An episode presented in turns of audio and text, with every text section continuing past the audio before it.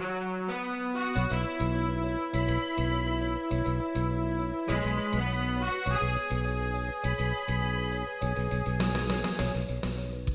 listening to Radio Free Asia.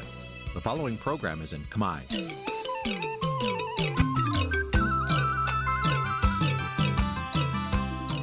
នេះជាកម្មវិធីផ្សាយ Vuthu Azizi Serai នេះជាកម្មវិធីផ្សាយរបស់ Vuthu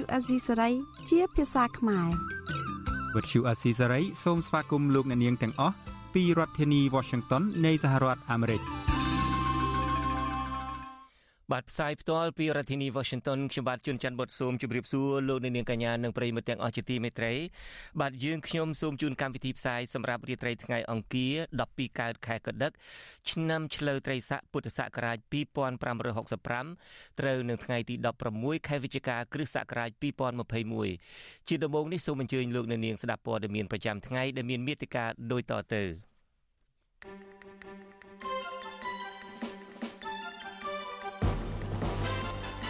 សកម្មជនគណៈបកសង្គ្រោះជាតិបង្ហោះសាររំលឹកខួប4ឆ្នាំនៃការរំលាយគណៈបកសង្គ្រោះជាតិអ្នកច្បាប់ចាត់ទុករបបលោកហ៊ុនសែនដែលបានរំលាយគណៈបកសង្គ្រោះជាតិថាជារឿងរំលោភច្បាប់និងបំពានសិទ្ធិមនុស្ស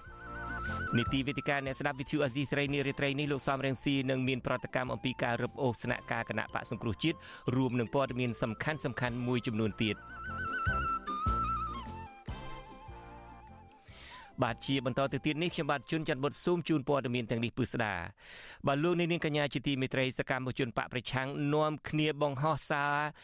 តាំងចិត្តថា តស៊ូបន្តទៀតក្នុងការរំលឹកខួប4ឆ្នាំនៃការរំលាយគណៈបកសង្គ្រោះជាតិពួកគាត់បដិញ្ញាចិត្តខិតខំតស៊ូដោយអហិង្សាបន្តទៀតដើម្បីទាមទាររបបក្រុងភ្នំពេញប្រគល់សិទ្ធិធ្វើនយោបាយពេញលេញជូនគណៈបកប្រឆាំងរបស់ពួកគាត់ឡើងវិញទោះជាយ៉ាងណាក៏ដោយអ្នកខ្លាំមើលជឿថាបកកាន់អំណាច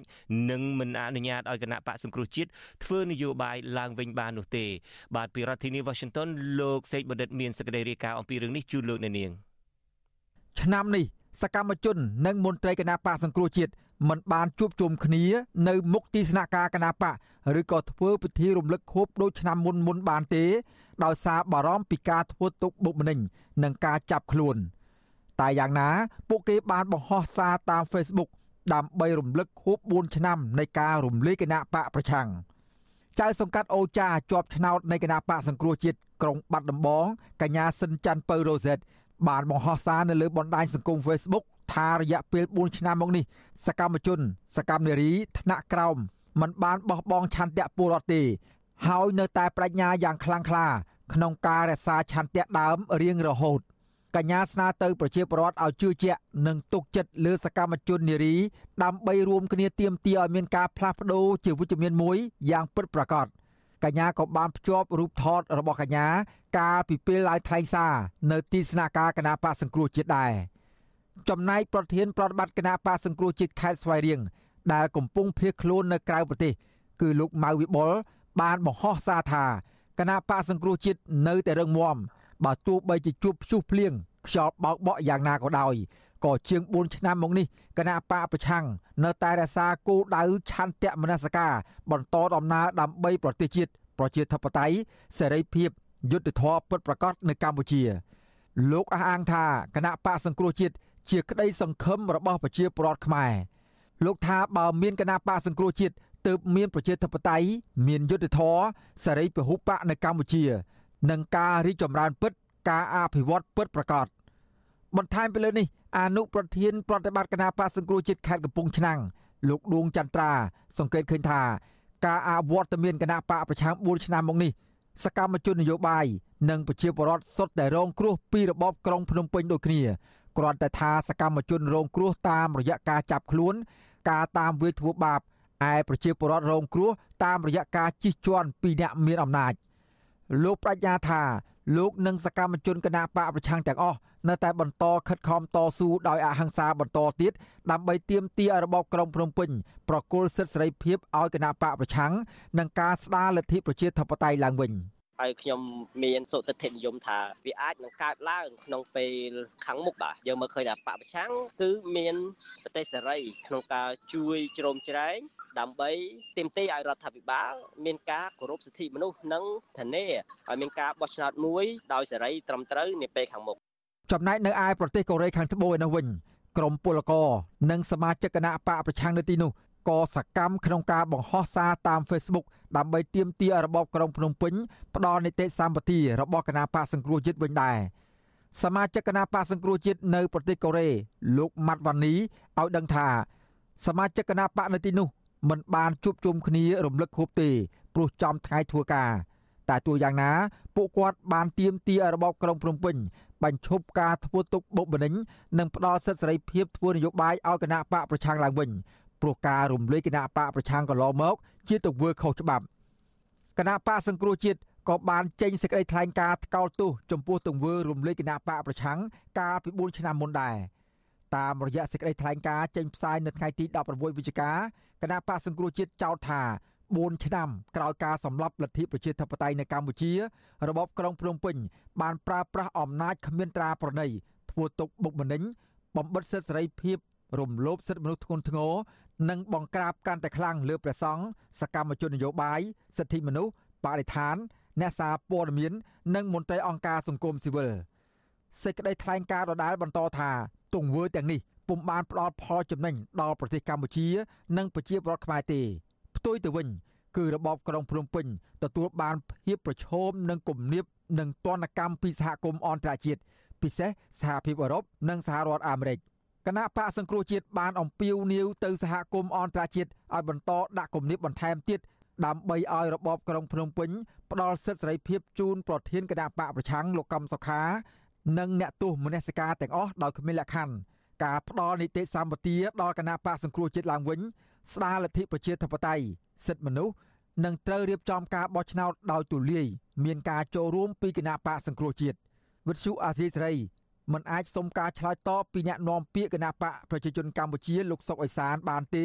នៅថ្ងៃទី16ខែវិច្ឆិកាប៉ុន្តែលោកធ្លាប់ប្រាប់វិទ្យុអាស៊ីសេរីថាគណៈបកប្រឆាំងមិនអាចរស់ឡើងវិញទេព្រោះគណៈបកនេះបានប្រព្រឹត្តបទល្មើសធ្ងន់ធ្ងរលោកក៏អះអាងដែរថាក្រោយរំលាយគណៈបករួច កម្ពុជាគ្មានវិបត្តិនយោបាយអ្វីឡើយប៉ុន្តែអ្នកខ្លាំមើលមានសុទ្ធិធិនិយមថាអ្នកនយោបាយនឹងអាចរកវិធីធ្វើការនិងចរចាជាមួយគ្នាបាន អ្នកសិក្សាផ្នែកច្បាប់លោកវ៉ុនចាន់លូតយល់ថា4ឆ្នាំក្រោយការរំលាយគណៈបកប្រឆាំងដោយជោគជ័យគណៈបកកាន់អំណាចចង់បំបត្តិទីស្នាក់ការកណ្ដាលគណៈបកនេះឲ្យដោយការបំបត្តិទីស្នាក់ការគណៈបកហ៊ុនស៊ិនពេចដែរលោកវ៉ុនចាន់លូតមិនចង់ឃើញអ្នកនយោបាយឆ្លោះគ្នាបន្តទៀតទេ លោកជំរុញឲ្យអ្នកនយោបាយចាស់ទុំទាំងពីរគណៈបកនេះរកវិធីស្រុះស្រួលគ្នាដើម្បីធ្វើជាគំរូដល់ពលរដ្ឋវិញត្រូវតែប្រគល់សងមកវិញនៅគណៈបកសង្គ្រោះជាតិដើម្បីឲ្យសង្គ្រោះជាតិមានដំណើរការចូលរួមការបោះឆ្នោតនៅឆ្នាំ2022និង23នេះការប្រគល់វិញគឺប្រគល់យ៉ាងបន្ទាន់បំផុតដើម្បីឲ្យការចូលរួមបោះឆ្នោតនឹងបានត្រឹមត្រូវ តុលាការកំពូលបានរំលាយគណៈបកសង្គ្រោះជាតិកាលពីថ្ងៃទី16ខែវិច្ឆិកាឆ្នាំ2017តាមបណ្ដឹងរបស់ក្រសួងមហាផ្ទៃដោយចោទថាប្រធានគណៈបកសង្គ្រោះជាតិលោកកំសខា បានខុបខិតជាមួយបរទេសដើម្បីផ្ដួលរំលំរដ្ឋាភិបាលតុលាការកំពូលបានដាក់បំរាមថ្នាក់ដឹកនាំគណៈបកនេះជាង100នាក់មិនឲ្យធ្វើនយោបាយចំនួន5ឆ្នាំទោះយ៉ាងណាក្រុមអ្នកឃ្លាំមើលហៅទង្វើនេះថា ជាចេតនាបង្ក្រាបផ្នែកនយោបាយដើម្បីរារាំងកុំឲ្យគណៈបកសង្គ្រោះជាតិមានលទ្ធភាពឈ្នះក្នុងការបោះឆ្នោតជាតិនៅឆ្នាំ2018ខ្ញុំបាទសេកបណ្ឌិតវិទ្យុអាស៊ីសេរីពីរដ្ឋធានីវ៉ាស៊ីនតោន បាទដោយលោកអ្នកនាងបានជ្រាបរួចហើយថ្ងៃទី16ខែវិច្ឆិកានេះគឺគម្រប់ខួប4ឆ្នាំហើយនៃការដែលតឡាការកំពូលក្រោមការបង្គាប់បញ្ជារបស់លោកនាយករដ្ឋមន្ត្រីហ៊ុនសែនរំលាយគណៈបកសង្គ្រោះជាតិចោលក្នុងរយៈពេល4ឆ្នាំកន្លងទៅនេះសហគមន៍ជាតិអន្តរជាតិរួមទាំងអង្គការសហប្រជាជាតិផង បានទាមទាររដ្ឋាភិបាលក្រុងភ្នំពេញ ស្ដារឡើងវិញ និងប្រគល់អាសនៈព្រមទាំងបង្ឲ្យឲ្យគណៈបកសង្គ្រោះជាតិមានដំណើរការឡើងវិញក៏ប៉ុន្តែទោះជាយ៉ាងណាក៏ដោយ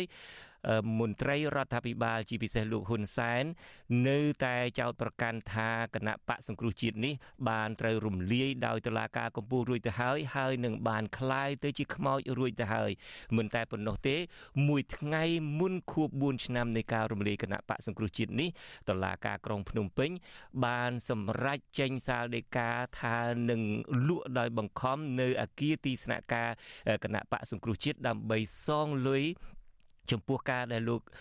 សំរៀងស៊ីបានចាញ់ក្តី ហើយត្រូវសងជំងឺចិត្តដល់អ្នកដែលឈ្នះក្តីទៀតផង នៅក្នុងនីតិវិទ្យាអ្នកស្ដាប់វិទ្យុអាស៊ីសេរីនេះឱកាសនេះយើងនឹងមានលោកសំរៀងស៊ីដែលជាប្រធានស្ដីទីនៃគណៈបកសង្គ្រោះជាតិរួមជាមួយនឹងលោកបណ្ឌិតមាសនេះឡើងមកធ្វើជាវាគ្មិនកិត្តិយសលោកនឹងមានប្រតិកម្មទៅនឹងការដែលតឡាការក្រុងភ្នំពេញអឺដាក់ ទីស្នាក់ការរបស់គណៈបកសង្គ្រោះជាតិដែលមានឈ្មោះលោកជាម្ចាស់កម្មសិទ្ធិ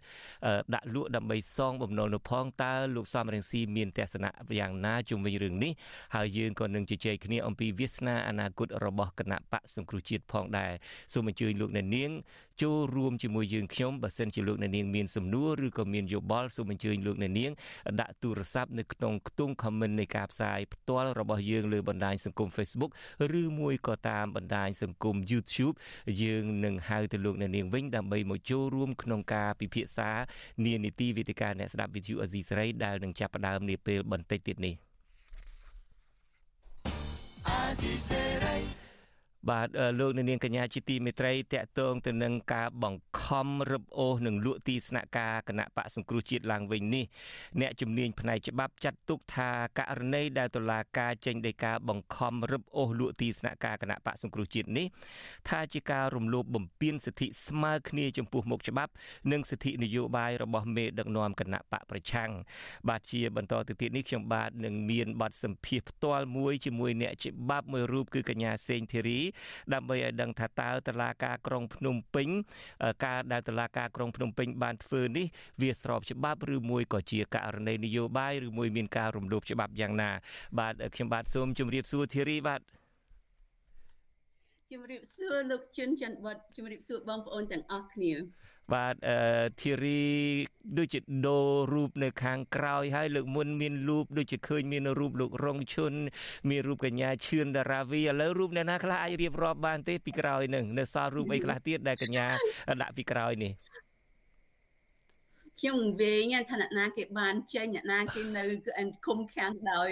អយុធធរប៉ុន្តែមានលោកកកកំភាបាទឪពុករបស់កសវណ្ណឆៃបាទ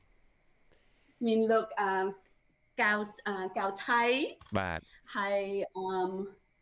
អូមានមានអត់ទាន់អត់ទាន់គិតគូរច្រើនពេកមកពីវឹកវឹកវពេកមកឆ្វេងផងស្ដាំផងអត់ទាន់រៀបចំអត់ទាន់មិនអីប៉ុន្តែយ៉ាងណាក៏ដោយចុះឃើញមានដករូបអ្នកដែលបានចេញមកបានវាច្រើនហើយបាទតិចជាងមុនបាទបាទបាទ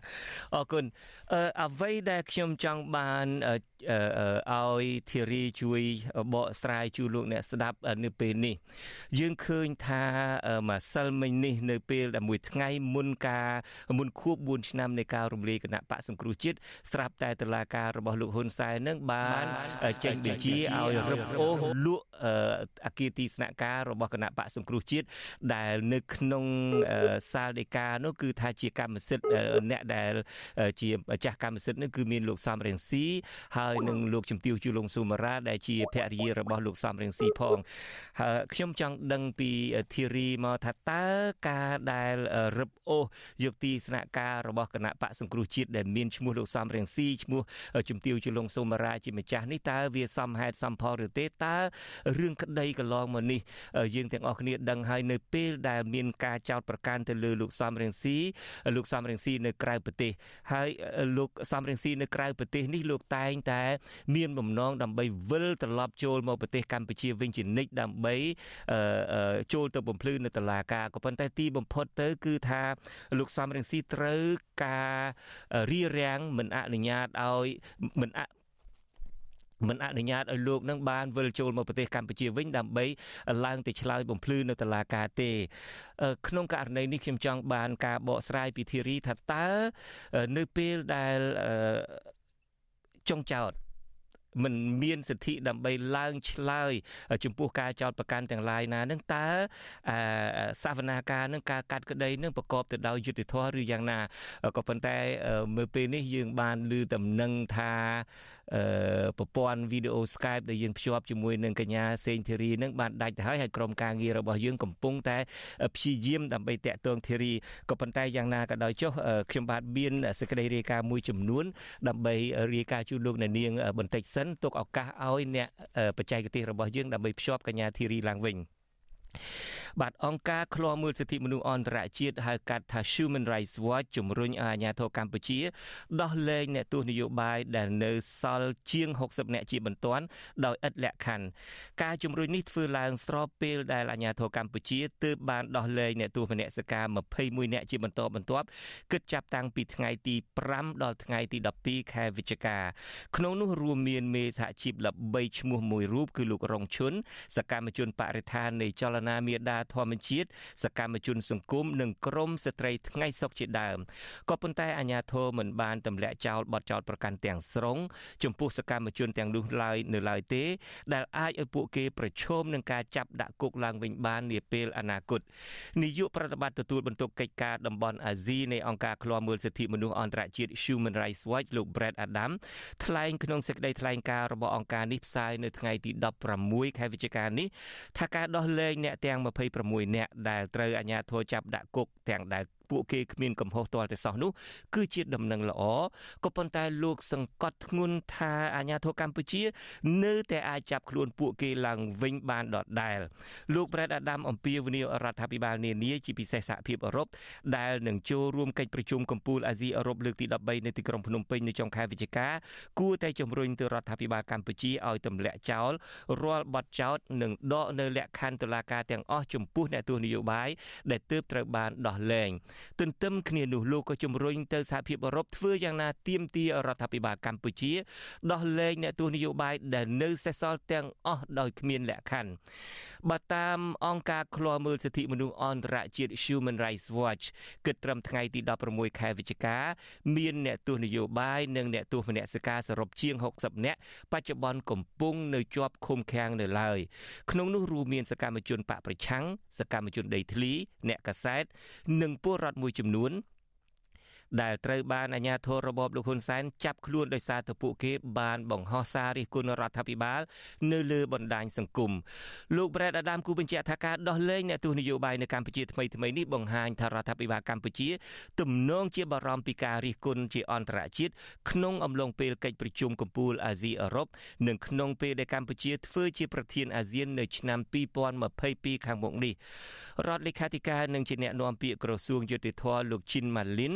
បានបកស្រាយប្រាប់សារព័ត៌មានក្នុងស្រុកថាការដោះលែងមន្ត្រីគណៈបកសង្គ្រោះជាតិនិងសកម្មជនផ្សេងផ្សេងគឺជាការអនុគ្រោះរបស់តុលាការដើម្បីកាត់បន្ថយការកកស្ទះក្នុងពន្ធនាគារលោកបដិសេធថាការដោះលែងទាំងនេះមិនមែនដោយសារកម្ពុជារងសម្ពាធពីបរទេសនោះឡើយ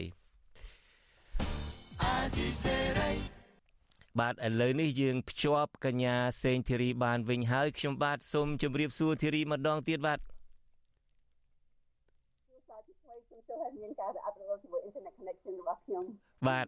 អត់អីទេឥឡូវនេះបើសិនជាបានលឺខ្ញុំឲ្យសំណួរទី1របស់ខ្ញុំទៅធីរីសួរត្រង់នេះ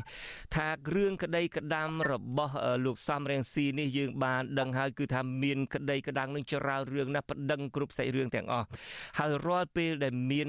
ដេកាក៏ហៅលោកសំរងស៊ីឲ្យទៅបង្ហាញខ្លួននៅតុលាការនឹងលោកតែងតែមានឆន្ទៈក្នុងការវិលត្រឡប់ដើម្បីទៅឆ្លើយបំភ្លឺនៅតុលាការជានិច្ចក៏ប៉ុន្តែទោះជាយ៉ាងណាក៏ដោយអាជ្ញាធរទន្ទឹមនឹងតុលាការបានចេញដីកាកោះហៅលោកឲ្យទៅឆ្លើយនៅតុលាការអាជ្ញាធរបែរជារារាំងមិនអោយ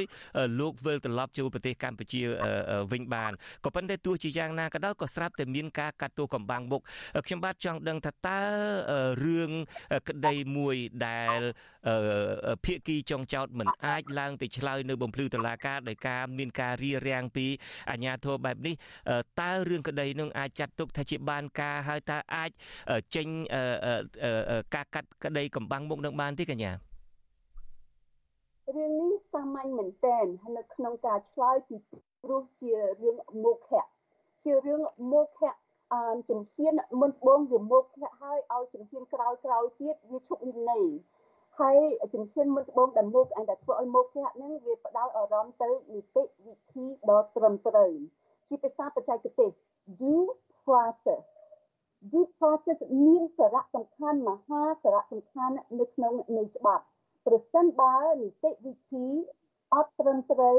អត់មានតម្លាភាពអត់មានការចូលរួមអត់មានអ្នកសាក្សីអត់មានវត្តមានផ្សេងផ្សេងទៀតឈប់មានន័យហើយច្បាប់កម្ពុជាទទួលធីរីសុំសុំសុំកាត់ប្រសាសន៍ធីរីបន្តិចធីរីអាចបង្វិល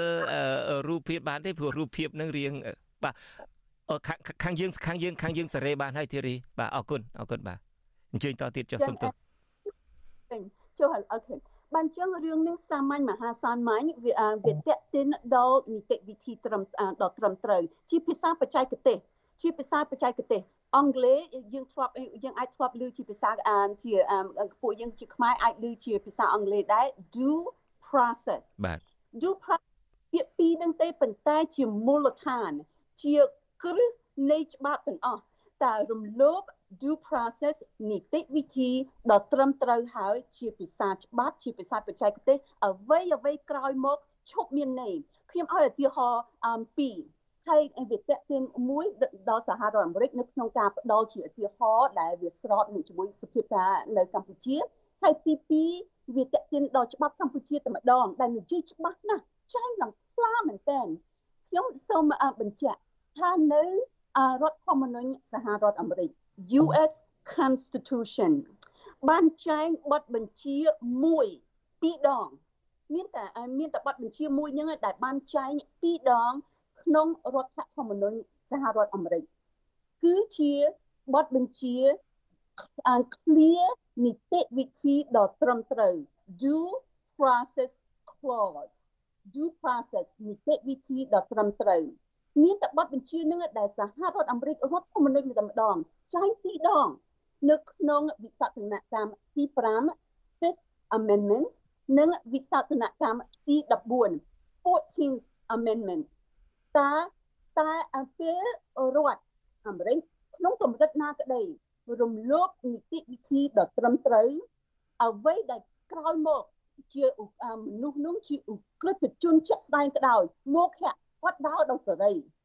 មកពីបានរំលោភនីតិវិធីដ៏ត្រឹមត្រូវមានសារៈសំខាន់បែបនឹងឯងចង់អង្គុបញ្ជាក់ថានីតិវិធីដ៏ត្រឹមត្រូវ due process ជាវិសិទ្ធ is sacrosanct ជាវិសិទ្ធតែម្ដងនៅក្នុងជាមូលដ្ឋាន នៅក្នុងច្បាប់ច្បាប់កម្ពុជាជាក់ស្ដែងរដ្ឋធម្មនុញ្ញបានចែងអំពីនីតិវិធីដ៏ត្រឹមត្រូវអឺហើយអឺយើងហៅថា អឺសិទ្ធិពលរដ្ឋនិងសិទ្ធិនយោបាយអឺ I ដែលដែលយើងបានបញ្ចូលច្បាប់អន្តរជាតិដែលយើងបានបញ្ចូលនៅក្នុងច្បាប់កម្ពុជាយើងយើងនិយាយខ្លីទៅថា ICCP R International Covenant on Civil and Political Rights និយាយជាសាមញ្ញទៅសិទ្ធិពលរដ្ឋនិងសិទ្ធិនយោបាយគ្រប់បានចែងច្បាស់ណាស់អំពីសារៈសំខាន់នៃនីតិវិធីដ៏ត្រឹមត្រូវជាភាសាបច្ចេកទេសជាភាសាច្បាប់ ហើយខ្ញុំចង់គូបញ្ជាក់មួយទៀតដែលយើងអត់ដែរវិភាគឲ្យរបបនេះចង់ឲ្យយើងដឹងឮនៅក្នុងក្រមនីតិវិធីព្រហ្មទណ្ឌ Criminal Procedural Code មេត្រា252 252បានចែងច្បាស់ណាស់អំពីមុខភាពនៃការរំលោភនីតិវិធីដ៏ត្រឹមត្រូវមែនតើខ្ញុំសូមអានមេត្រានឹង ពីព្រោះមានសារៈសំខាន់វាទាក់ទិនដល់ករណីលោកសំរងស៊ីទាំងស្រុងមិនមែនត្រឹមតែ1 2 3គាត់អាចប្រហែលមានដល់20ទៅ30ហើយមិនមែនខ្ញុំចំណែងខ្ញុំមានតែមួយឯងគាត់មានដល់20ទៅ30ហើយនេះដែលគេបានរំលោភនីតិវិធីដល់ត្រឹមត្រូវរបស់គាត់អញ្ចឹងខ្ញុំគិតថាមានសារៈសំខាន់នៅក្នុងការលឺភាសាច្បាប់តែម្ដងដែលឯងបានដែលចែងច្បាស់ណាស់ថាអឺ មានមុខភាពករណីទាំងអស់តែរំលោភជំហានដំបងនឹងហើយចម្បងនឹងហើយអ្វីដែលផ្សេងផ្សេងទៀតមើលអីទៅអឺអ្វីដែលផ្សេងផ្សេងទៀតឈប់មានន័យហើយ ណាដូចគេទាញយើងចូលនរកឲ្យឲ្យយើងទៅឲ្យយើងមានជំរឿសទៅឆ្វេងទៅត្រង់ទៅស្ដាំអូដូចយើងយើងមានជំរឿសអញឡើងច្រើនណាធីរីធីរីអាចលើកឧទាហរណ៍1 2 3បានទេក្នុងការដែលរំលោភនីតិវិធីដ៏ត្រឹមត្រូវនឹងជាពិសេសក្នុងករណីលោកសំរងស៊ីផងឬមួយក្នុងករណីដទៃទៀតតើមានឧទាហរណ៍អីខ្លះក្នុងការរំលោភនីតិវិធីដ៏ត្រឹមត្រូវនឹងទី1អត់ឲ្យគាត់មានវត្តមានអឺភាពមានវត្តមាន នៅក្នុងសាវនាការ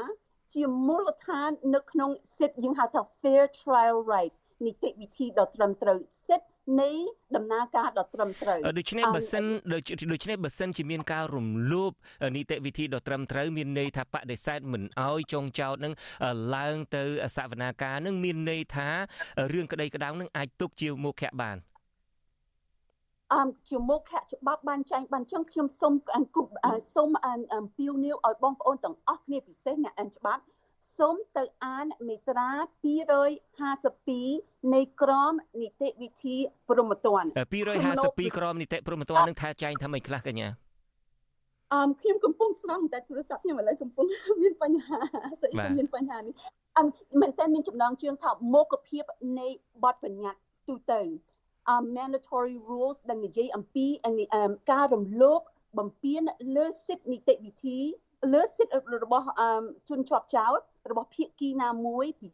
សេសឧក្រិដ្ឋកម្មចុះឧក្រិដ្ឋកម្មមានសារៈសំខាន់ជាងករណីផ្សេងផ្សេងទៀតនេះជា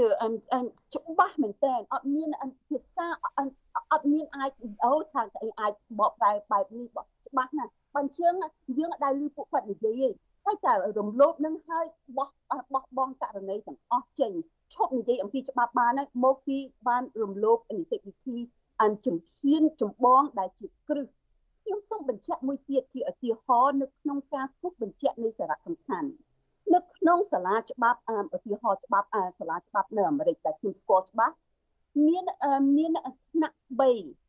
ជា course តែម្ដងមានន័យថានៅក្នុងរយៈពេលកន្លះឆ្នាំដែលយើងត្រូវការរៀនលម្អិតហើយមួយថ្នាក់មួយថ្នាក់មានសភៅកម្រាស់នេះដល់3 4ហើយថ្នាក់មួយមានចំណងជើងថានេះអឺរដ្ឋវិនីតិវិធីនីតិវិធីរដ្ឋវិនី civil procedure នេះជា snow ជាគ្រឹះនៃការសិក្សាជាថ្នាក់មួយតែម្ដងជាជា course តែម្ដងមួយទៀតជានីតិវិធីព្រមត្តន ជា snow កន្លះឆ្នាំ6ខែរៀនតែពីនឹងមួយទៀតជានីតិវិធីរដ្ឋបាល administrative um procedure មានមួយទៀតជា federal procedure មិនមែនជារៀនរៀន1ម៉ោងរៀន2ម៉ោងរៀន3ម៉ោងជា course snow តែម្ដងគ្រាន់តែនេះជាឧទាហរណ៍4អាចមានទៀតចង់គូបញ្ជាក់អំពីសារៈសំខាន់នៃនីតិវិធីដ៏ត្រឹមត្រូវ នៅសហរដ្ឋអាមេរិកប៉ុន្តែនៅកម្ពុជាមានដូចគ្នាសារៈសំខាន់នឹងជាគ្រឹះនៃច្បាប់បានជឹងតែរំលោភនឹងហើយអ្វីផ្សេងផ្សេងទៀតឈប់មានន័យឯងមុខខៈកាប់ច្បាប់កម្ពុជាមានពីរកន្លែងដែលគូសបញ្ជាក់ច្បាស់ណាស់នៅក្នុងអឺដូចថានៅក្នុងអឺច្បាប់សិទ្ធិពលរដ្ឋនិងសិទ្ធិនយោបាយដែលយើងបានបញ្ចូលជាច្បាប់កម្ពុជាហើយច្បាស់ជាងនឹងទៀតដែលអត់អាច បកប្រែទៅឆ្វេងឬស្ដាំជាមេត្រា252នៃក្រមនីតិវិធីព្រហ្មទណ្ឌនិយាយអំពីមុខភាពនៃការរំលោភនីតិវិធីដទបាទអរគុណធីរីដែលបានបកស្រាយចំណុចនេះធីរីក៏ប៉ុន្តែយ៉ាងណាក៏ដោយចោះ អ្វីត្បិតតែមានការរំលោភនីតិវិធីដ៏ត្រឹមត្រូវហើយការពិតរឿងក្តីក្តាមរបស់លោកសំរងស៊ីនេះបើតាមការបកស្រាយរបស់ធីរីគឺថាគួរតែចាត់ទុកថាជាមុខភាពគួរចាត់ទុកជាមុខៈមិនបានការទាំងអស់ក៏ប៉ុន្តែយ៉ាងណាក៏ដោយចុះក៏មានការកាត់ទោសកំបាំងមុខបន្ទាប់មកទៀតនឹងក៏មានការទៀមទីឲ្យសងជំងឺចិត្តហើយដោយលោកសំរងស៊ីមិនបានសងជំងឺចិត្តឥឡូវនេះរឹបអូសយកទីស្នាក់ការរបស់លោកនឹងដែលមានឈ្មោះលោកជាកម្មសិទ្ធិនឹងបើតាមសាលដីកាគឺថាកម្មសិទ្ធិរបស់លោកសំរៀងស៊ីបានកម្មកាន់កាប់ទ្របនឹងគឺថាមានឈ្មោះលោកសំរៀងស៊ីមានឈ្មោះលោកជំទាវជូលងស៊ូមូរ៉ាជាម្ចាស់តើធ្វើបែបនេះយើងដឹងរួចទៅហើយខ្ញុំនឹងមិនសួរថាខុសច្បាប់ឬមិនខុសច្បាប់អីទេពីព្រោះបើតាមការបកស្រាយរបស់ធីរីថាខុសច្បាប់រួចទៅហើយតាំងតែពីដំបូងមកក្នុងករណីនេះតើជនរងគ្រោះ ឬមួយក៏ភៀកគីជនជាប់ចោតមានលោកសំរងស៊ីនេះតើលោកមានសិទ្ធិបែបណាដើម្បីការពារទ្រព្យសម្បត្តិរបស់លោកដើម្បីការពារកេរ្តិ៍ឈ្មោះរបស់លោកពិបាកនិយាយបន្តិចចុះនេះជាការប្លន់ប៉ុន្តែមុនខ្ញុំបន្តនៅក្នុងការឆ្លើយសំណួរហ្នឹងខ្ញុំចង់អានភាសាច្បាប់ខ្ញុំរកឲ្យស្រង់បានឃើញហើយនេះជាមេត្រា252នៃក្រមនីតិវិធីព្រហ្មទណ្ឌកម្ពុជាតែម្ដងនេះ នេះនៅក្នុងនៅក្នុងថ្មិញកដៅនៅក្នុងជាភាសាច្បាប់ទាំងស្រុងមុខភាពនៃការមិនគោរពវិធានបវិធានបញ្ញត្តិ mandatory rules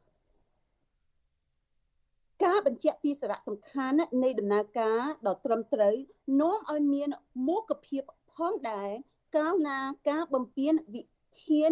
ឬទម្រង់ការសំខាន់ណាមួយដែលចែងដោយក្រមនេះ ក្រមនីតិវិធីព្រហ្មទណ្ឌនេះឬបទបញ្ញត្តិទាំងឡាយស្ដីពីនីតិវិធីព្រហ្មទណ្ឌធ្វើឲ្យប៉ះពាល់ដល់ផលប្រយោជន៍របស់ភាគីដ៏ទទួលរងការបំពេញនេះច្បាស់មែនតើមានន័យថាមុខភាពប្រសិនបើប៉ះពាល់ដល់ផលប្រយោជន៍របស់ភាគីអឺនេះនៅក្នុងនីតិវិធីព្រហ្មទណ្ឌហ្នឹងហើយពេលយើងនិយាយអំពី due process យើងនិយាយអំពីសេរីភាពហើយទ្រព្យសម្បត្តិ ណាបើអញ្ចឹងទ្រព្យសម្បត្តិមានបញ្ចូលនៅក្នុងនឹងនៅក្នុងភាសានឹងដែរអឺច្បាស់ណាស់នៅក្នុងនៅក្នុងច្បាប់កម្ពុជាប៉ុន្តែ ប្រសិនបើអានវិសតនកម្មទី5និងទី14ជារដ្ឋធម្មនុញ្ញរបស់អាមេរិកបាននិយាយអំពី liberty to life and property ទៅដល់ប៉ះពាល់ដល់ជីវិតនិងទ្រព្យសម្បត្តិឥឡូវយើងកំពុងផ្ដោតអារម្មណ៍ទៅលើទ្រព្យសម្បត្តិរបស់លោកសម្រាប់អិស្នកម្មបើអញ្ចឹងតើតើមុខៈ អឺដំបងឲ្យអ្វីផ្សេងផ្សេងទៀតជារឿងនយោបាយសុទ្ធសាធជារឿងការប្លន់ហើយអឺអានឹងអញ្ចឹងធីរីចាត់ទុកថាការដែលចេញពីការនេះមិនមែនត្រូវធ្វើតាមច្បាប់ទេគឺជាការប្លន់ហើយជាក់ស្ដែងជាការប្លន់ទាំងស្រុងហើយចុះបើប្លន់ទាំងភ្នែកស្រស់បែបហ្នឹងតើអ្នកដែលត្រូវគេប្លន់ហ្នឹងតើគួរធ្វើបែបណាដែរដើម្បីរក្សាទ្រព្យសម្បត្តិរបស់ខ្លួនបានករណីលោកសំរៀងស៊ីហើយលោកជំទាវជួរជួលងសុមរានេះអឺ មកពីគាត់ជាថ្នាក់ដឹកនាំរបស់អឺលទ្ធិប្រជាធិបតេយ្យហើយអ្នកបោះឆ្នោតបានច្រើនលើសលុបបានគ្រប់គ្រងគាត់មានន័យវាប៉ះពាល់ដល់ផលប្រយោជន៍របស់យើងដែរដែលស្រឡាញ់លទ្ធិប្រជាធិបតេយ្យមានយើងមានភារកិច្ចយើងជាប្រជាពលរដ្ឋមានភារកិច្ចមិនមែនត្រឹមតែប៉ះពាល់ដល់ផលប្រយោជន៍លោកសំរងស៊ីហើយលោកជំទាវសមូរ៉ាផ្ទាល់ទេប៉ុន្តែប៉ះពាល់ដល់ផលប្រយោជន៍ប្រជាពលរដ្ឋ ហើយពីព្រោះគាត់ជានិមិត្តរូបបានអញ្ចឹងយើងត្រូវការងើបឈរឡើងនៅក្នុងការទៀមទាមឥឡូវយើងនៅក្នុងយើងកំពុងឆ្ពោះទៅភាពមួយដែលយើងអាចអាចឆ្លើយអំពីច្បាប់ជាមួយរបបផ្ដាច់ការនេះដែលយកច្បាប់ភាសាអង់គ្លេសថា lawfare warfare ជាភាពសង្គ្រាម lawfare ជាភាពសង្គ្រាមផ្នែកច្បាប់ បើអញ្ចឹងកុំលេងបៃលុកបៃលជាមួយគាត់ដែលគ្រោះថ្នាក់ដល់យើងយើងឈប់ឆ្លើយតបទៅគាត់ដែលគាត់ប្រើអឺតឡាការជាឧបករណ៍ពីព្រោះនេះឈប់ជាតឡាការជាតឡាការអឺទីម៉ងដែលដែលគេគាត់ទាញមានន័យថាពេលយើងឆ្លើយតបទៅយើងអឺភាសាភាសាអង់គ្លេសមានមួយទៀតដែលមានសារៈសំខាន់ដែរជាគាត់បង្កើត straw man គាត់បង្កើតរូបភាពសបើង ដែលបន្លាចចាបអីកុំឲ្យមកស៊ីស្រូវយើងហើយគាត់ឆ្លើយតបទៅគាត់លោកហ៊ុនសែនហើយរបបពួកគាត់ឆ្លើយតបទៅអ្វីដែលគាត់បានបង្កើតដូចជារឿងជាក់ស្ដែងបានចឹងយើងមនុស្សដែលមានដង្ហើមយើងមិនមែនស្បើងយើងមិនមែន straw man ទេយើងឆ្លើយតបបែបភាពជាក់ស្ដែងភាពជាក់ស្ដែងយើងដឹងថានេះមិនមែនតឡាការត្រឹមត្រូវនេះមិនមែនច្បាប់ត្រឹមត្រូវបានចឹងយុទ្ធធម៌ស្របជាមួយ អឺប្រាជ្ញារបស់ប្រជាពលរដ្ឋទូទៅអ្វីដែលគាត់លេងជាច្បាប់ក្នុងការបំផ្លាញនៅក្នុងការប្រើជាអាវុធភាសាអង់គ្លេសមួយទៀតថា weapon weaponize weaponize ធ្វើជាអាវុធឬ instrumentalize ណា lawfare ជា warfare នៅក្នុងភាពនៅក្នុងសភាពការកម្ពុជាឥឡូវនេះបាទដូច្នេះដូច្នេះបាទអញ្ជើញបាទខ្លន់ណាស់ បាទអឺធីរីថាក្នុងករណីនេះមានតែប្រជាពលរដ្ឋទេដែលអាចជួយបានដើម្បីកុំឲ្យមានការប្លន់បែបនេះជួយបែបណាប្រជាពលរដ្ឋនាំគ្នាទៅអ្នកដែលគ្រប់គ្រងលោកសំរៀងស៊ីអ្នកដែលគ្រប់គ្រងគណៈបកសង្គ្រោះជាតិនាំគ្នាឡើងទៅនៅផ្ទះនឹងទៅហើយមិនព្រមចេញទៅឬមួយយ៉ាងណាអឺយើងត្រូវការចាប់ផ្ដើមអឺរៀបភាសារៀបស្មារតីមួយនៅក្នុងការចុះឥឡូវយើងស្ទាក់ស្ទើរនៅក្នុងការនិយាយថាអឺ នេះជាមុខៈប៉ុន្តែនៅក្នុងភាសាមួយទៀតយើងនៅតែប្រើភាសាច្បាប់នៅក្នុងពេលវេលាមួយយើងត្រូវការធីបគាត់ចោលទាំងស្រុងធីបរបបអយុត្តិធម៌របបអធម្មនុននេះចោលទាំងស្រុងនៅក្នុងន័យថាដូចប្រៀបធៀបដូចភូមិអញ្ចឹងឈប់ទទួលស្គាល់គាត់ជាអំណាចផ្លូវការគាត់នៅមានអំណាចដែលខុសខើហ្នឹងហើយប៉ុន្តែអំណាចគាត់ឈប់មាននិច្ចលភាព legitimacy គាត់ឈប់មានហើយបើអញ្ចឹងប៉ុន្តែប្រជាពលរដ្ឋត្រូវការបង្ហាញត្រូវការបង្ហាញនៅក្នុងភាសារបស់យើងដូចខ្ញុំប្រើអញ្ចឹងមកខៈឲ្យខ្ញុំឈប់លេងអឺពេលខ្ញុំចូលតុលាការម្ដងម្ដងមិនខ្ញុំចូលតុលាការខ្ញុំចូល account នយោបាយហើយខ្ញុំបានប្រាប់ច្បាស់ហើយបើអញ្ចឹងខ្ញុំសូមស្នើបងប្អូនទាំងអស់គ្នាសូមប្រើភាសាម៉ឺនម៉ាត់ប្រសិនបើពួកគាត់មកខៈហើយប្រសិនបើគាត់ឈប់មានអំណាចផ្លូវការហើយ យើងចាប់ផ្ដើមប្រព្រឹត្តហើយមានព្រឹត្តិកម្មបែបនេះនៅក្នុងភាសាផងនៅក្នុងចរិតមួយផងជា snow ជារួមមានតែផ្លឹកផ្អែមមានតែប៉ុណ្្នឹងឯងឥឡូវយើងក្នុងចូលនៅក្នុងការប្រយុទ្ធដោយសន្តិវិធីប្រយុទ្ធមានន័យថាយើងអឺយើងលើកមុនយើងនៅមានឲ្យមិនមែនសង្ស័យទេប៉ុន្តែយើងគិតថាអូគាត់អាចផ្លាស់ប្ដូរយើងសូមអំពាវនាវឲ្យគាត់យើងឈប់នៅក្នុងភាពនោះហើយយើងចូលភាពគ្រោះថ្នាក់ ដែលគាត់បង្ហាញហើយប្រសិនបើគាត់ឆ្លើយតបមកយើងវិញអីភាពដដែលយើងដឹងហើយប៉ុន្តែគាត់អាចយកឧទាហរណ៍គាត់អាចយកខ្ញុំទៅច្បាប់ទៅតុលាការអន្តរជាតិបានទេណាបើអញ្ចឹងខ្ញុំចំពោះខ្ញុំអឺជុកខ្ញុំដឹងថាប្រសិនបើគាត់យកករណីអឺជាក់ស្ដែងជាក់ករណីជាក់ស្ដែងទៅតុលាការវេទិកាច្បាប់ជាក់ស្ដែងគាត់អត់ទៅរួចទេបើអញ្ចឹងគាត់ ចង់តែទុករឿងនៅក្នុងនៅក្នុងកម្ពុជាដែលគាត់អាចគ្រប់គ្រងបានធ្វើដូចរូបភាពច្បាប់ប៉ុន្តែយើងដឹងហើយនេះមិនមែនទេបើអញ្ចឹងយើងត្រូវការប្រយុទ្ធដោយសន្តិវិធីជាក់ស្ដែងហើយដោយការនិយាយការពិតដោយយុទ្ធធម៌ប៉ុន្តែប្រសិនបើគាត់ឈប់មាន legitimacy ហើយទុទុខ្ញុំព្រឹកជាភាសាខ្មែរឈប់ស្របច្បាប់ហើយហើយយើងដឹងហើយគាត់ប្រឆាំងរដ្ឋធម្មនុញ្ញគាត់ប្រឆាំង អង្គិព្រមព្រៀងសន្តិភាពប៉ារីដែលជាច្បាប់របស់យើង snow ជាងធម្មនុញ្ញជាតិបានបង្កើតធម្មនុញ្ញអឹមបានចឹងយើងត្រូវការប្រព្រឹត្តហើយយើងត្រូវការឆ្លើយតបបែបនេះយើងចូលនៅក្នុងភាពភូមិហើយឥឡូវបាទអរគុណធីរីដែលបានបកស្រាយចំណុចនេះហើយជាសង្ខេបមកវិញធីរីបានមានប្រសាសន៍ថារឿងក្តីក្តាមរបស់លោកសំរៀងស៊ីនេះដែលហេតុតែមានការរំលោភនីតិវិធីដ៏ត្រឹមត្រូវដោយ រៀបរៀងសិទ្ធិរបស់ជនជាប់ចោតមិនអោយឡើងមកឆ្លើយបំភ្លឺនៅតុលាការបានរឿងនេះគួរតែទុកជាមុខៈគួរតែមុខភាពក្តីក្តាំងនេះចោលតែម្ដងហើយធីរីហៅថាការដែល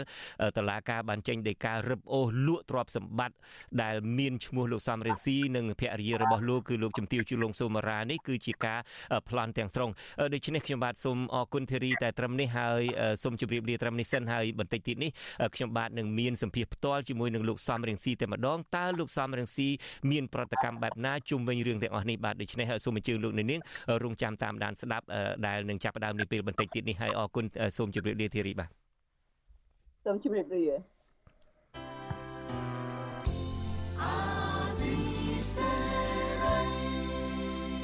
បាទលោកនាងកញ្ញាជាទីមេត្រីសាលាដំបងខេត្តកំពង់ចាមបានកោះហៅយុវជនបកសង្គ្រោះជាតិលោករិនរតចូលស្ដាប់សវនាការជំនុំជម្រះនៅថ្ងៃទី24ខែវិច្ឆិកាខាងមុខដោយការចុះថ្ងៃទី2ខែវិច្ឆិកាឆ្នាំ2021បញ្ជាក់ថាតុលាការបានចោទលោករិនរតចំនួន3បទល្មើសគឺបទញុះញង់ឲ្យប្រព្រឹត្តអក្រិតបទអក្រិតជាអាតបទញុះញង់ឲ្យមានការរើសអើងនិងបទក្លែងក្លាយព័ត៌មានយុវជនបកប្រឆាំងដែលកំពុងភៀសខ្លួននៅប្រទេសថៃលោករិនរតប្រាប់វិទ្យុអាស៊ីសេរីថាលោកនឹងមិនចូលស្ដាប់សវនាការតាមការកោះហៅរបស់តុលាការឡើយព្រោះលោកបារម្ភខ្លាចអាជ្ញាធររបបក្រុងភ្នំពេញចាប់ខ្លួនលោកកន្លងមកតុលាការធ្លាប់បានចេញដីកាកោះហៅពីរដងរួចមកហើយនៅឆ្នាំ2019លុះដល់ខែកញ្ញាឆ្នាំ2021តុលាការកំពូលបានសម្រេចផ្តន្ទាទោសឲ្យជាប់ពន្ធនាគារ18ខែនិងពិន័យជាប្រាក់ 2លានរៀលផង ក្រៅពីការចោទប្រកាន់និងកាត់ទោសលោកក៏ធ្លាប់ទទួលការគំរាមកំហែងតាមរយៈ Facebook ផងដែរដោយសារតែរូបលោកតែងបញ្ចេញមតិរិះគន់រដ្ឋាភិបាលជាហូហែទោះជាយ៉ាងណាក្តីលោកបានបង្ហាញនៅជំហរក្នុងការរិះគន់របបផ្ដាច់ការក្រុងភ្នំពេញដដែល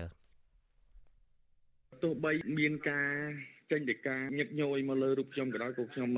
នៅតែបន្តឆន្ទៈរបស់ខ្ញុំដដែលដោយសារតែការសម្ដែងមតិនៅលើបណ្ដាញសង្គម Facebook ហ្នឹងខ្ញុំអនុលោមទៅតាមច្បាប់ បាទចាប់តាំងពីឆ្នាំ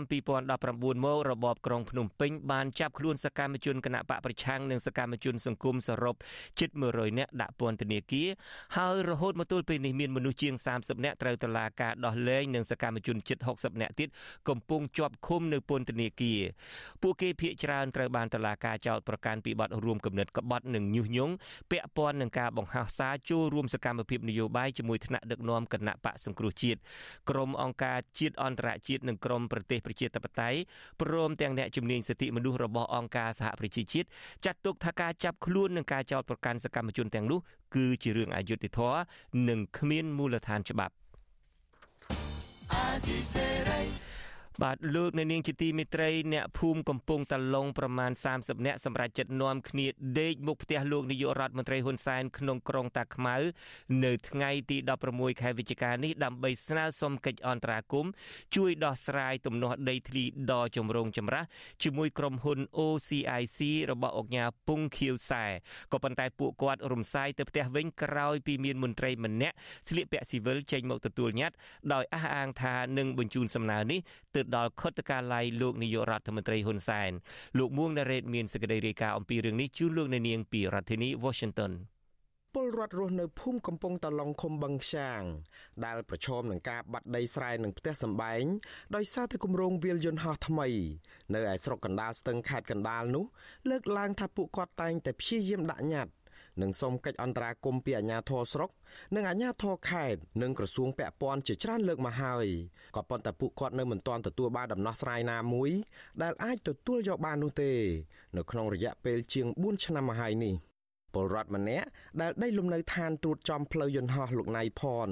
ថ្លែងថាអ្នកភូមិអស់ជំនឿនឹងអាជ្ញាធរខេត្តកណ្ដាលទៅហើយទើបពេលនេះពួកគាត់នាំគ្នាទៅរកកិច្ចអន្តរាគមន៍ពីលោកនាយរដ្ឋមន្ត្រីហ៊ុនសែនដោយរំពឹងថានឹងទទួលបានដំណោះស្រាយជាក់ជាពំខាន។ លោកបន្តថាក្រុមហ៊ុន OCIC និងអាជ្ញាធរខេត្តកណ្ដាលនៅតែកំណត់តម្លៃដីឲ្យប្រជាពលរដ្ឋ8ដុល្លារនៅក្នុង1ម៉ែត្រការ៉េដដែលនេះច្រើនឆ្នាំមកហើយស្របពេលដែលតម្លៃដីបច្ចុប្បន្នឡើងពី50ដុល្លារដល់150ដុល្លារនៅក្នុង1ម៉ែត្រការ៉េនៅក្នុងខេត្តដូចគ្នានេះលោកយល់ថាការដាក់តម្លៃដីដោយអត្តនោម័តបែបនេះគឺជារឿងដែលប្រជាពលរដ្ឋមិនសប្បាយចិត្តហើយនាំគ្នាចេញតវ៉ាជានិច្ចដើម្បីឲ្យមានដំណោះស្រាយល្អប្រសើរជាងនេះក៏ប៉ុន្តែខាងអាជ្ញាធរនិងភាគីក្រុមហ៊ុនវិញ ពួកគេមិនព្រមគិតគូរឲ្យតាមតម្លៃទីផ្សារនោះទេប្រជាពលរដ្ឋរូបនេះស្នើសុំឲ្យលោកនាយរដ្ឋមន្ត្រីហ៊ុនសែនជួយផ្ដល់ដំណោះស្រាយនៅក្នុងរឿងផ្ដល់សំណងដីស្រែនិងដីលំនៅឋានឲ្យប្រជាពលរដ្ឋឲ្យស្របទៅតាមតម្លៃដីបច្ចុប្បន្នចាប់ពី80ដុល្លារដល់100ដុល្លារនៅក្នុង1ម៉ែត្រការ៉េដើម្បីឲ្យពួកគាត់អាចទៅរកទិញដីធ្លីនៅទីតាំងថ្មីបាន បើសិនជាអាចវៀងភូមិបានសូមវៀងភូមិកំពង់ត្រឡុងខ្ញុំផងទៅព្រោះភូមិនេះវានៅរាប់ពាន់ឆ្នាំទៅហើយហើយដីវានៅទលាយដែរទេវាមិនគួរណាមកប៉ះភូមិខ្ញុំទេហើយបើសិនតែជៀសមិនរួចត្រូវតែដូរប៉ះភូមិហើយសូមឲ្យសំណងហើយដីភូមិដីអីហ្នឹងវាតំបន់ដែលយើងអាចទទួលយកបានហ្នឹងកុំទៅពេលដូរទៅយកទៅដាក់នៅក្នុងព្រៃនឹងអីឆ្ងាយអញ្ចឹងណាបង ក្រមប្រជាពលរដ្ឋស្ទាក់ស្ទើរនៅក្នុងការប្រគល់ញត្តិជូនបុគ្គលម្នាក់ដែលអះអាងថាខ្លួនជាមន្ត្រីខុទ្ទកាល័យលោកនាយរដ្ឋមន្ត្រីហ៊ុនសែននៅឯក្រុងតាខ្មៅព្រោះពួកគាត់មិនដឹងថាសំណើសុំកិច្ចអន្តរាគមន៍នេះនឹងបានដល់ដៃលោកនាយរដ្ឋមន្ត្រីហ៊ុនសែនដែរឬយ៉ាងណាឆ្លើយតបទៅនឹងរឿងនេះនាយរងខុទ្ទកាល័យលោកនាយរដ្ឋមន្ត្រីហ៊ុនសែនលោកប៉ាន់ខែមប៊ុនថនប្រាប់វិទ្យុអាស៊ីសេរីនៅថ្ងៃទី16ខែវិច្ឆិកាថារាល់ញត្តិដែលប្រជាពលរដ្ឋដាក់នៅខុទ្ទកាល័យនាយករដ្ឋមន្ត្រីគឺមានមន្ត្រីចាំទទួលញត្តិដោយបង្ហាញអត្តសញ្ញាណច្បាស់លាស់ បើកាលណាប្រជាពលរដ្ឋគាត់មានទំនុកចិត្តជំនឿចិត្តមកកាន់សម្ដេចតេជោហើយក៏បានរៀបចំញត្តិទទួលមកខាងខុទ្ទកាល័យសម្ដេចតេជោអញ្ចឹងគឺយើងមានមន្ត្រីខុទ្ទកាល័យគាត់អ្នកទទួលហើយបើសិនជាគាត់ចេញទទួលហើយគាត់តែយកទៅបង្ហាញប្រាប់អ្នកសារព័ត៌មានថាគាត់មានសង្ឃឹម50%អត់50%ហ្នឹងខ្ញុំអត់ដឹងថាអារម្មណ៍សុទ្ធរបស់គាត់យ៉ាងណាទេបើគាត់មានជំនឿចិត្តលើសម្ដេចគាត់មានជំនឿចិត្តលើខុទ្ទកាល័យពេលដែលមន្ត្រីខុទ្ទកាល័យទទួលហើយគាត់ត្រូវតែមានជំនឿចិត្ត តកតងនឹងរឿងនេះអ្នកសម្របសម្រួលគម្រោងធុរកិច្ចនិងសិទ្ធិមនុស្សនៃមជ្ឈមណ្ឌលសិទ្ធិមនុស្សកម្ពុជាលោកវ៉ាន់សុផាតសង្កេតឃើញថាប្រជាពលរដ្ឋតែងតែនាំគ្នាទៅរកដំណោះស្រាយពីប្រមុខរដ្ឋាភិបាល នៅពេលដែលបញ្ហាដីធ្លីរបស់ពួកគាត់មិនអាចត្រូវបានដោះស្រាយបញ្ចប់បានត្រឹមអាជ្ញាធរថ្នាក់ក្រោមជាតិនិងថ្នាក់ជាតិ លោកបន្តថារូបភាពបែបនេះគឺបង្ហាញអំពីយន្តការដោះស្រាយបញ្ហាជូនប្រជាពលរដ្ឋពីសំណាក់អាជ្ញាធរនិងក្រសួងពាក់ព័ន្ធនៅទុនខ្សោយដោយរងចាំសេចក្តីសម្រេចពីនាយករដ្ឋមន្ត្រីទើបអាចដោះស្រាយជូនប្រជាពលរដ្ឋបាន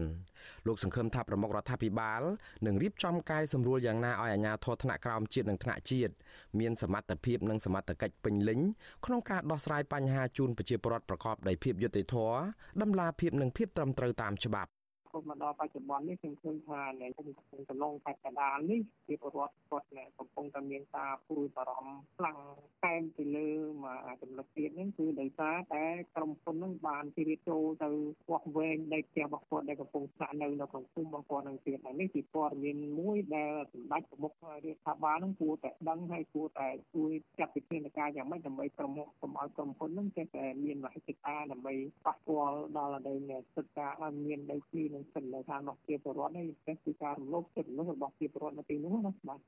ចំនួនដីធ្លីរវាងក្រុមហ៊ុន OCIC របស់អង្គការពងខៀវសែជាមួយនឹងប្រជាពលរដ្ឋសរុបជាង300គ្រួសារនៅឯស្រុកកណ្ដាលស្ទឹងខេត្តកណ្ដាលនោះអូសបន្លាយពេលជាង3ឆ្នាំមកហើយ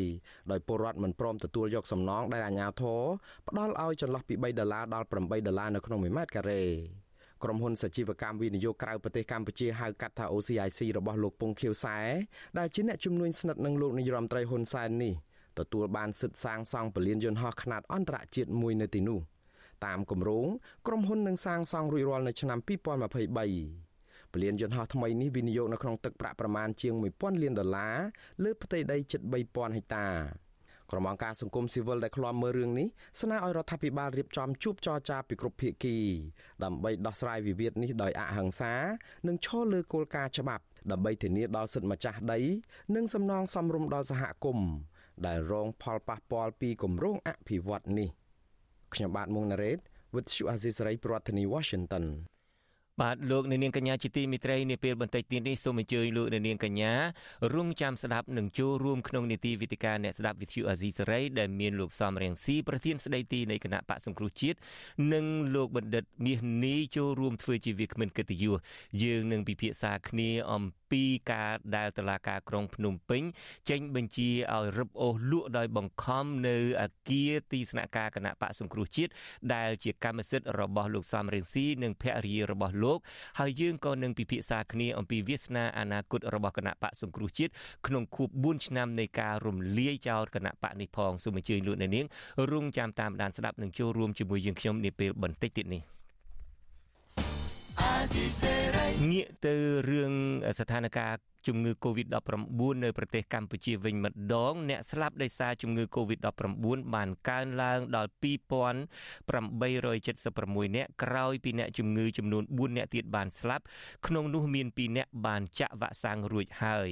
ចំណែកករណីឆ្លងថ្មីវិញក្រសួងសុខាភិបាលប្រកាសថាមាន48នាក់ដែលជាលទ្ធផលបញ្ជាក់ដោយម៉ាស៊ីនពិសោធន៍ PCR ក៏ប៉ុន្តែតួលេខនេះមិនរាប់បញ្ចូលលទ្ធផលដែលពិនិត្យតាមឧបករណ៍តេស្តរហ័សឬ Rapid Test នោះឡើយឡើយគិតមកត្រឹមថ្ងៃទី16វិច្ឆិកាកម្ពុជាមានអ្នកកើតជំងឺ Covid-16 ជិត120,000នាក់ក្នុងនោះមានអ្នកជាសះស្បើយជាង160,000 16000នាក់ ចំពោះការចាក់វ៉ាក់សាំងបង្ការជំងឺ Covid-19 វិញក្រសួងសុខាភិបាលប្រកាសថាគិតត្រឹមថ្ងៃទី15វិច្ឆិកាម្សិលមិញរដ្ឋាភិបាលចាក់វ៉ាក់សាំងជូនពលរដ្ឋដែលមានអាយុចាប់ពី6ឆ្នាំឡើងទៅបានជាង100%ហើយក្នុងចំណោមអ្នកដែលត្រូវចាក់ជិត14លាននាក់ចំណែកកុមារអាយុ15ឆ្នាំវិញក្រសួងបញ្ជាក់ថាចាក់វ៉ាក់សាំងបានជាង78%ក្នុងចំណោមអ្នកដែលត្រូវចាក់សរុបជាង3សែននាក់ តកតងទៅនឹងគ្រោះធម្មជាតិវិញក្រសួងធនធានទឹកនិងអូតូនិយមជូនដំណឹងដល់ពលរដ្ឋខេត្តពោធិ៍សាត់ឲ្យបង្កើនការប្រុងប្រយ័ត្នខ្ពស់ចំពោះគ្រោះទឹកជំនន់ដោយសារកម្ពស់ទឹកស្ទឹងពោធិ៍សាត់បានឡើងដល់កម្រិតប្រកាសអាសន្នហើយ នៅថ្ងៃទី16ខែវិច្ឆិកានេះ ក្រសួងធនធានទឹកថាទឹកចំនួននេះកើនឡើងដោយសារភ្លៀងធ្លាក់ជាបន្តបន្ទាប់នៅតំបន់ជួរភ្នំក្រវាញស្ទឹងអារ៉ៃស្ទឹងធំ និងស្ទឹងព្រៃខ្លុងដោយឡែកនៅស្រុករុក្ខគិរីខេត្តបាត់ដំបងឯនោះវិញក៏មានទឹកចំនួនដែរអភិបាលខេត្តបាត់ដំបងលោកសុកលូបានចុះពិនិត្យស្ថានភាពទឹកចំនួនភ្លៀងដែលបានបង្កឲ្យមានផលប៉ះពាល់ដល់ហេដ្ឋារចនាសម្ព័ន្ធផ្លូវថ្នល់ប្រឡាយទឹក ដំណាំកសិកម្មសត្វពាហនៈនិងផ្ទះសម្បែងប្រជាពលរដ្ឋជាងង2000នៅឃុំបាសាក់ស្រុករុក្ខគិរី ក្រសួងធនធានទឹកឲ្យដឹងថាចាប់ពីថ្ងៃទី10ដល់ថ្ងៃទី16 បណ្ដាខេត្តនៅតំបន់វាលទំនាបកណ្ដាលបណ្ដាខេត្តជាប់ជួរភ្នំដងរែកនិងខ្ពង់រាបរួមនឹងតំបន់មាត់សមុទ្រមានភ្លៀងផ្គររន្ទះចាប់ពីថ្ងៃទី10ដល់ថ្ងៃទី16ក្រសួងធនធានទឹកអំពាវនាវដល់អាជ្ញាធរនិងពលរដ្ឋគ្រប់ខេត្តក្រុងពិសេសខេត្តពោធិ៍សាត់ឲ្យបង្កើនការយកចិត្តទុកដាក់ដើម្បីជៀសវាងគ្រោះថ្នាក់ផ្សេងផ្សេងនិងត្រៀមទីទួលសុវត្ថិភាពសម្រាប់ជន្លៀសពលរដ្ឋដែលងាយរងគ្រោះទៅទីទួលមានសុវត្ថិភាពលោកអ្នកនាងទើបតែបានស្ដាប់ព័ត៌មានប្រចាំថ្ងៃដែលជម្រាបជូនដូចខ្ញុំបាទជួនច័ន្ទបតពីរដ្ឋធានី Washington សូមអញ្ជើញលោកអ្នកនាងរងចាំស្ដាប់នីតិវិទ្យាអ្នកស្ដាប់វិទ្យុអាស៊ីសេរីនាពេលបន្តិចទៀតនេះ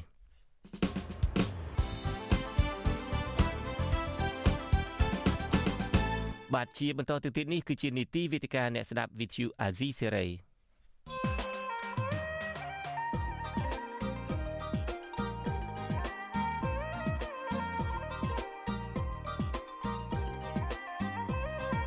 វេទិកាអ្នកស្ដាប់វិទ្យុអាស៊ីសេរី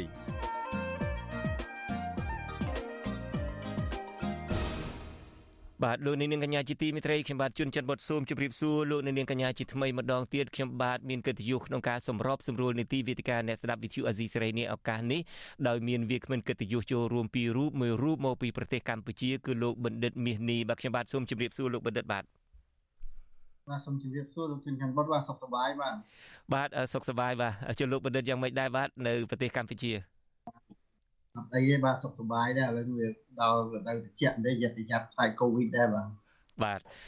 នៅស្រុកនេះក៏រដល់រដូវត្រជាក់ដែរបាទយើងក៏មានវាគ្មិនមួយរូបទៀតហើយសូមអរគុណវាគ្មិនកិត្តិយសយើងមួយរូបទៀតកំពុងទៅរស់នៅតំបន់មួយ ដែលមាន time zone មានពេលវេលានៅខុសពីយើងម៉ោងនៅគាត់នៅរដ្ឋដែលលោកសំរងស៊ីកំពុងនៅសហរដ្ឋអាមេរិកនេះម៉ោង4ភ្លឺនៅឡើយទេហើយមើលមុខលោកនឹងដូចជាទឹមងើពីសម្រានទេសូមអរគុណដែលលោកបានចូលរួមជាមួយយើងឱកាសនេះបាទសូមជម្រាបសួរអាដាមសំរងស៊ីបាទជម្រាបសួរបាទ បាទលោកទាំងពីរបានជ្រាបហើយការដែលយើងមាននីតិវេទិកាអ្នកស្ដាប់ในឱកាសនេះពីព្រោះថាទី1គឺថាម្សិលមិញនេះមួយថ្ងៃមុននឹងការដល់ខួបលើកទី4នៃការរំលាយគណៈបកសង្គ្រោះជាតិនឹងតឡាការក្រុងភ្នំពេញនឹងក៏ចេញដីកាបង្ខំលក់ ទីស្នាក់ការគណៈបកសង្គ្រោះជាតិនៅចាក់រ៉ែនឹងតែម្ដងហើយរឿងមួយទៀតដែលយើងមានកិច្ចពិភាក្សាในឱកាសនេះគឺវាចូលដល់ខួបទី4នៃការរំលាយគណៈបកសង្គ្រោះជាតិនឹងតែម្ដងដូច្នេះមុននឹងចាប់ផ្ដើមរឿងអ្វីទាំងអស់នឹងខ្ញុំបាទសូមចង់បានប្រតិកម្មពីលោកសំរៀងស៊ីផ្ទាល់តែម្ដងបើតាមសាលដីកានឹងគេបានបញ្ជាក់ថាទីស្នាក់ការនឹង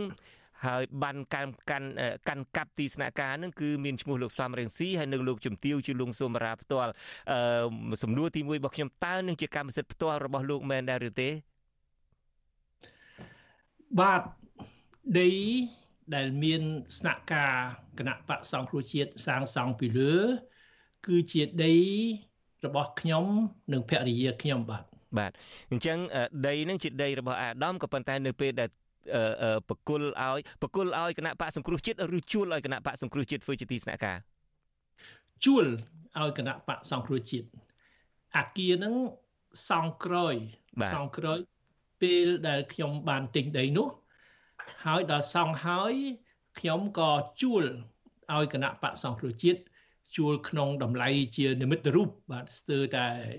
ផ្ដល់ជូនដោយមិនគិតថ្លៃបាទមួយឆ្នាំមួយដុល្លារអញ្ចឹងទៅប្រ ហែលបែបហ្នឹងបាទបាទឥឡូវឥឡូវហ្នឹងគេរឹបអូសយកហើយអឺមានការចេញដីកាមកថាលក់ដោយបខំពីព្រោះអាដាមនឹងជាពាក់លុយអឺអ្នកដែលឈ្នះក្តីអាដាមនឹងប្រមាណមួយខ្លួនមួយខ្លួននឹងរាប់ពាន់លានរៀលអីចឹងទៅតើអាដាមមានប្រតិកម្មបែបណាដែរចំពោះដំណឹងនេះនេះជាការតាមសងសឹករបស់លោកហ៊ុនសែនលោកហ៊ុនសែនគាត់ចាំ គាត់តាមសងសឹកខ្ញុំគ្រប់បែបយ៉ាងគាត់តាមធ្វើទុកបុកម្នេញគ្រប់បែបយ៉ាង ក្នុងវិស័យនយោបាយក្នុងវិស័យតឡាការឥឡូវនេះឈានមកដល់វិស័យហិរញ្ញវត្ថុគាត់ចង់រករឿងខ្ញុំធ្វើទុកបុកម្នេញខ្ញុំ គឺគាត់សងសឹកនឹងជាទង្វើសងសឹករបស់គាត់បាទបាទអឺ គ្រាន់មានប្រតិកម្មត្រឹមថានេះជាទង្វើសងសឹកទេអត់មានអីមានភាសាអីដទៃទៀតទេជុំវិញរឿងរឿងនេះអាដាមខ្ញុំចង់បន្ថែមផងដែរថាខ្ញុំអត់ខ្វល់ទេ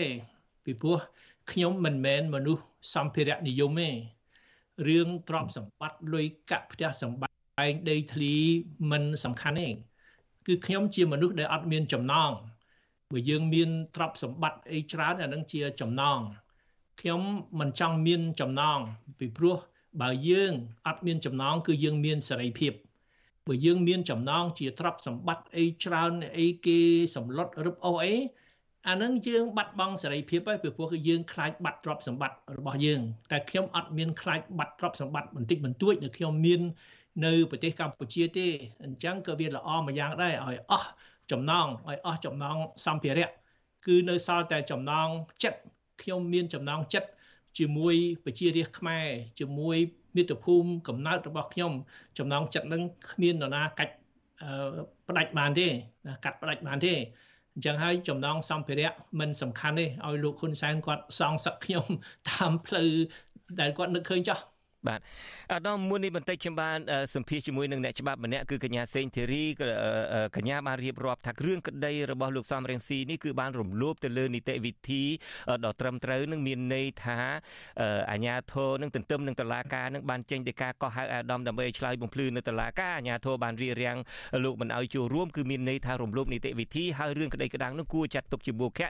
នេះបើតាមច្បាប់ដែលកញ្ញាសេងធីរីបានលើកឡើងមកហើយកញ្ញាបានហៅការដែលដែលលក់ដោយបង្ខំនៅទីស្នាក់ការគណៈបកសង្គ្រោះជាតិដែលជាកម្មសិទ្ធិរបស់អាដាមនេះថាជារឿងប្លន់តើអាយអាដាមនឹងមានការតតាំងអីដែរទេឬមិនខ្វល់ទេដកអីដកទៅគ្មានការមានប្តឹងគ្មានតតាំងអីលើវិញទេខ្ញុំមិនខ្វល់តទៅសោះដូចខ្ញុំនិយាយអំបញ្ញមិញខ្ញុំមិនមែនសម្ភារៈនិយមទេដូច្នេះរឿងសម្ភារៈយករឿងសម្ភារៈយកមកដាក់សម្ពាធលើខ្ញុំគឺ អត់មានប្រសិទ្ធភាពទេអត់មានធ្វើអ្វីឲ្យខ្ញុំបដូរការបដិញ្ញាចិត្តរបស់ខ្ញុំតតាំងអំណាចផ្ដាច់ការអំណាចក្បត់ជាតិដឹកនាំដោយហ៊ុនសែនសប្តាហ៍នេះបាទអរគុណអាដាមឥឡូវខ្ញុំបាទចង់ងាកមកលោកបណ្ឌិតមាសនេះវិញម្ដងហើយក៏ប៉ុន្តែឆ្លៀតឱកាសនេះចង់ជម្រាបលោកអ្នកស្ដាប់ផងដែរថាកិច្ចពិភាក្សារបស់យើងនឹងបន្តតទៅទៀតក្រោយការផ្សាយក្រោយម៉ោង8កន្លះ គឺក្រោយការផ្សាយលើរលកធាតុអាកាសខ្លីក៏យើងនឹងបន្តកិច្ចពិភាក្សានឹងបន្តទៅទៀតបាទលោកបណ្ឌិតមាសនេះតើនៅពេលដែលដល់ខួប4ឆ្នាំមុនខួប4ឆ្នាំ ស្រាប់តែមានការចេញបញ្ជាលេចលឺតាមព័ត៌មានមកថាមានចេញបញ្ជានឹងឲ្យលក់ទីស្នាក់ការនេះគឺជាការបង្ហាញបែបណាដែរពីខាងរដ្ឋាភិបាលជាពិសេសពីខាងលោកហ៊ុនសែនវិញ បាទសូមអរគុណបាទសូមជម្រាបសួរឲ្យដំសំរងស៊ីពីចម្ងាយផងបាទអឺអ្វីដែលដំលើកឡើងពីរឿងការសងសឹកនេះនេះវាមិនចម្លែកទេព្រោះយើងឃើញថាការសងសឹកឬក៏ការផ្ញើនៅវោហាប់វោហាស័ព្ទឆ្លងឆ្លើយគ្នានេះគឺមានតាំងពីដើមមកណាក៏ប៉ុន្តែសម្រាប់ខ្ញុំជាអ្នកដែលតាមដានមើលការអភិវឌ្ឍសង្គមខ្ញុំសូមបញ្ចូលជ្រៅទៅលើផ្លូវច្បាប់ថានឹងវាត្រូវឬខុសទេ ក៏ប៉ុន្តែមានពាក្យមួយដែលនៅក្នុងស្រុកក្នុងរយៈពេលប្រហែលថ្ងៃពី24ម៉ោងនេះមានគេប្រើពាក្យថាទំនងគឺជាខឹងគូទៅវាយអតេះផងដោយសារតែព្រឹត្តិការណ៍ហ្នឹងគឺវាកើតឡើងទីមួយការការកើតឡើងនៅមុនខួប4ឆ្នាំនៃការរំលែកសង្គមជាតិជារឿងមួយប៉ុន្តែយើងឃើញថាក្នុងរយៈពេលអឺប្រហែលថ្ងៃចុងក្រោយនេះមានតនកម្មពីរធំធំដែលបាន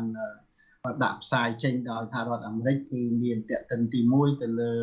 ការដាក់លក្ខខណ្ឌនៅក្នុងការធ្វើជំនួញនៅក្នុងប្រទេសកម្ពុជារបស់ក្រុមហ៊ុនអាមេរិកផងហើយក៏មានស្ថាប័ន3នៅក្នុងសហរដ្ឋអាមេរិកបានចេញនៅលក្ខខណ្ឌដំណើរគ្នាដែរក្នុងគោលបំណងដើម្បីព្យាយាមធ្វើឲ្យមានការរំខានទៅដល់ការតំណែងផ្នែកសេដ្ឋកិច្ចជាមួយសហរដ្ឋអាមេរិកហើយរឿងសំខាន់មួយទៀតនោះគឺ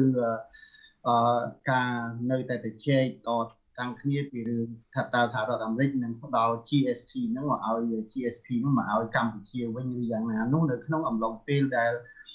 តំណែងនាំចេញពីកម្ពុជានឹងកំពុងតែមានការកើនឡើងច្រើនទៅនាំចេញទៅសហរដ្ឋអាមេរិកបាទហើយរឿងមួយទៀតគឺការដាក់ទណ្ឌកម្មនៅដល់